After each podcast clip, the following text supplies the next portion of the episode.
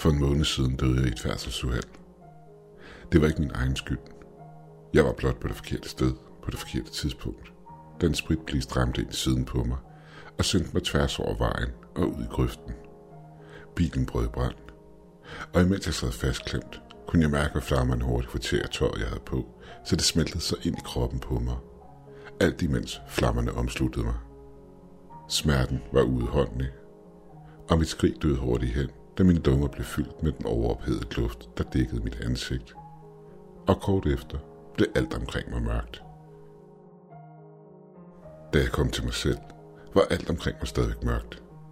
Jeg kunne ikke se, hvor jeg var henne. Der var intet under mig, intet omkring mig. Kun sort tomhed. Ikke engang min egen krop kunne jeg se, eller for den sags skyld mærke. Mørket var totalt. Jeg skreg i ren panik, men der skete intet. Lyden fra min stemme druknede i intetheden, og ingen lyd kom ud. Hvad var det her for et sted? For anden gang den dag mistede jeg bevidstheden. Jeg vågnede op i min bil, men der var noget galt. Varmen var ulidelig, og rundt om bilen skød flammerne op langs siden på den. Jeg åbnede bildøren og faldt ud på jorden, hvor flammer skød op fra små revner i den ellers tørre jord. Varmen og flammerne skød gennem min krop, og jeg kunne mærke, hvordan huden på min krop langsomt trak sig sammen og blev til en afbrændt og svedet klump kød, der sendte smertefuldt stød igennem kroppen på mig. Jeg burde være død. Ingen kan overleve det her, tænkte jeg ved mig selv. Min arme og krop var dækket af forkullet kød, og enkelte steder på kroppen kunne jeg se kød, der var blevet til gløder, som lystigt brændte under huden. Smerten var der, men jeg var ikke død. Jeg lå blikket glide rundt på mine omgivelser. Bilen, som jeg var kravlet ud af, sad halvvejs ind i en væg, som var en del af en slags tunnel. Overalt i tunnelen skød flammer ud fra revnerne i væggen, loft og gulv. Inden jeg nåede at tænke nærmere over min situation, blev mine tanker afbrudt af et dyrisk skrig fra den anden ende af tunnelen. Jeg vendte mig hurtigt om, og langt inde i tunnelen kunne jeg se noget bevæge sig unaturligt hurtigt igennem flammerne i retning mod mig.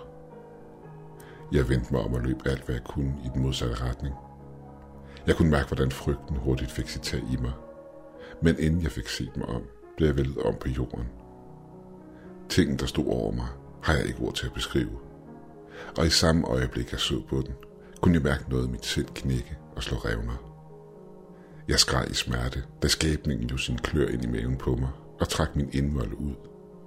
Igen sortnede det for mine øjne, men døden udeblev. Jeg lå på jorden i smerter, jeg aldrig nogensinde før havde kunnet forestille mig. Alt imens den her ting rev og flåede i det kødsår, der engang havde været min underkrop. Tiden føltes uendelig langsom. Jeg ville skrige i smerte, men jeg kunne ikke, da hele min hals var fyldt med blod, der kvalte et hvert forsøg på at lade nogen form for lyd undslippe mig. Mørket sænkede sig endnu en gang over mine øjne, men jeg var stadigvæk ved bevidsthed. Jeg kunne mærke, hvordan skæbningen slæbte afsted med mig mod et ukendt mål. Hvad der skete efterfølgende, henlægger i tåger for mig. Jeg ved ikke, hvor længe skæbningen flåede i mig, eller hvordan jeg endte der, hvor jeg kom til mig selv igen. Jeg går ud fra, at den må have slæbt mig igennem den mørke verden, og efterladt mig som et brugt og uspiseligt stykke kød. Langsomt rejste jeg mig op. I det jeg rejste mig op, kiggede jeg mig ned ad min krop, og lagde mærke til, at såret, hvor skæbningen havde flået min maveregion op, nu ikke var til at se.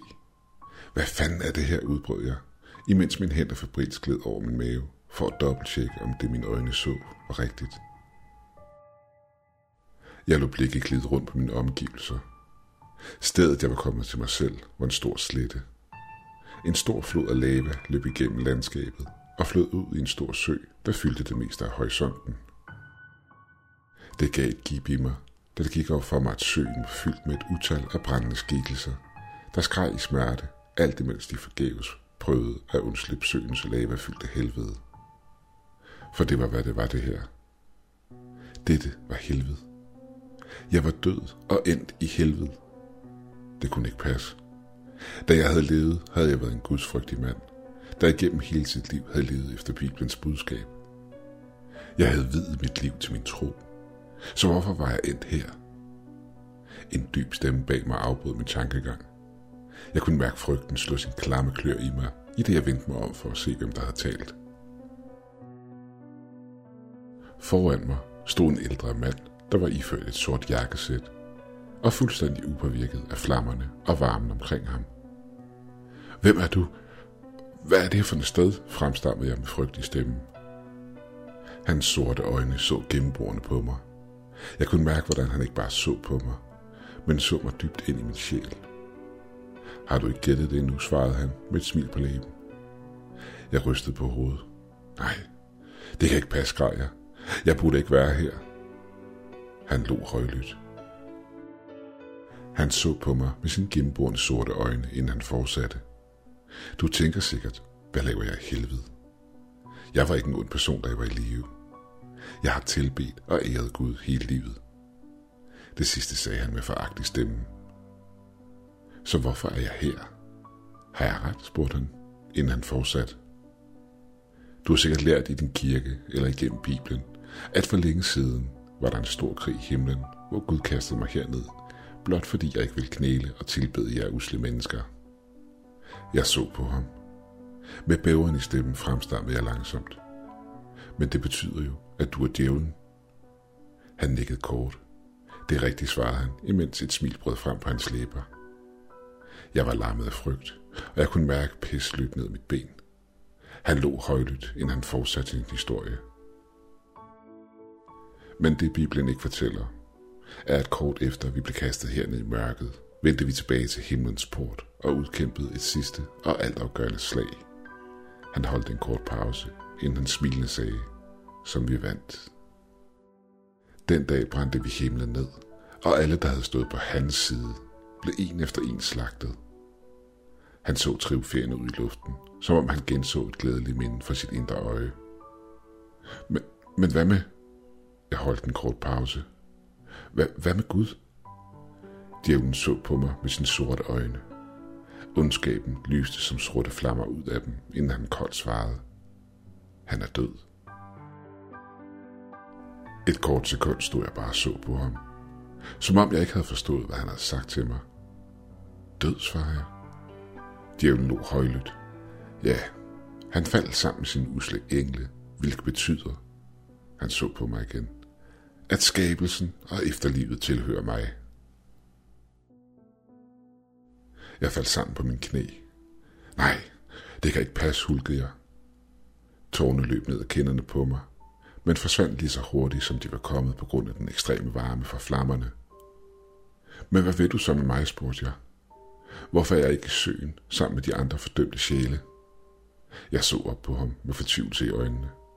Han smilede blot, inden han sagde, jeg vil give dig et valg.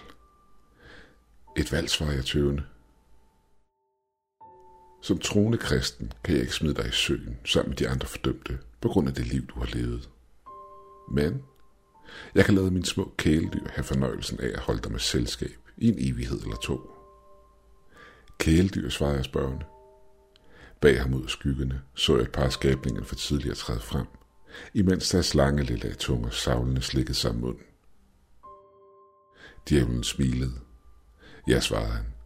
De har en umættelig sult, og evigheden er en lang tid. Men du kan også slippe for at tilbringe resten af dit efterliv som en snak og hjælpe mig. Hjælp dig, svarede jeg med frygtelig stemme. Hvad mener du? Han så på mig med sine gennemboende sorte øjne. Jeg vil sende dig tilbage til jorden. Tilbage, svarede jeg uforstående. Ja, det eneste du skal hjælpe mig med, er at sende nye sjæle herned til mig. Du vil have, at jeg skal slå mennesker ihjel for dig, svarede jeg med gråd stemme. Han smilede kort. Jeg kunne fornemme ondskaben bag de sorte øjne, indhylde mit selv og langsomt nedbryde den smule viljestyrke, jeg havde tilbage. Han så på mig, inden han svarede. Jeg kan af gode grunde ikke påvirke livet på jorden og sende den herned selv, da de guddommelige love, der blev nedskrevet i tidernes morgen, forbyder mig direkte at påvirke mennesket. Med andre ord, så kan jeg ikke selv få livet ud af de usle kroppe, jeres udødelige sjæle har taget bolig i. Men det er her, du kommer ind i billedet. Det er det, du skal hjælpe mig med. Valget var nemt for mig. Jeg blev sendt tilbage til jorden, og har været tilbage i et halvt år. På den tid har jeg slået flere mennesker ihjel, end jeg kan tælle.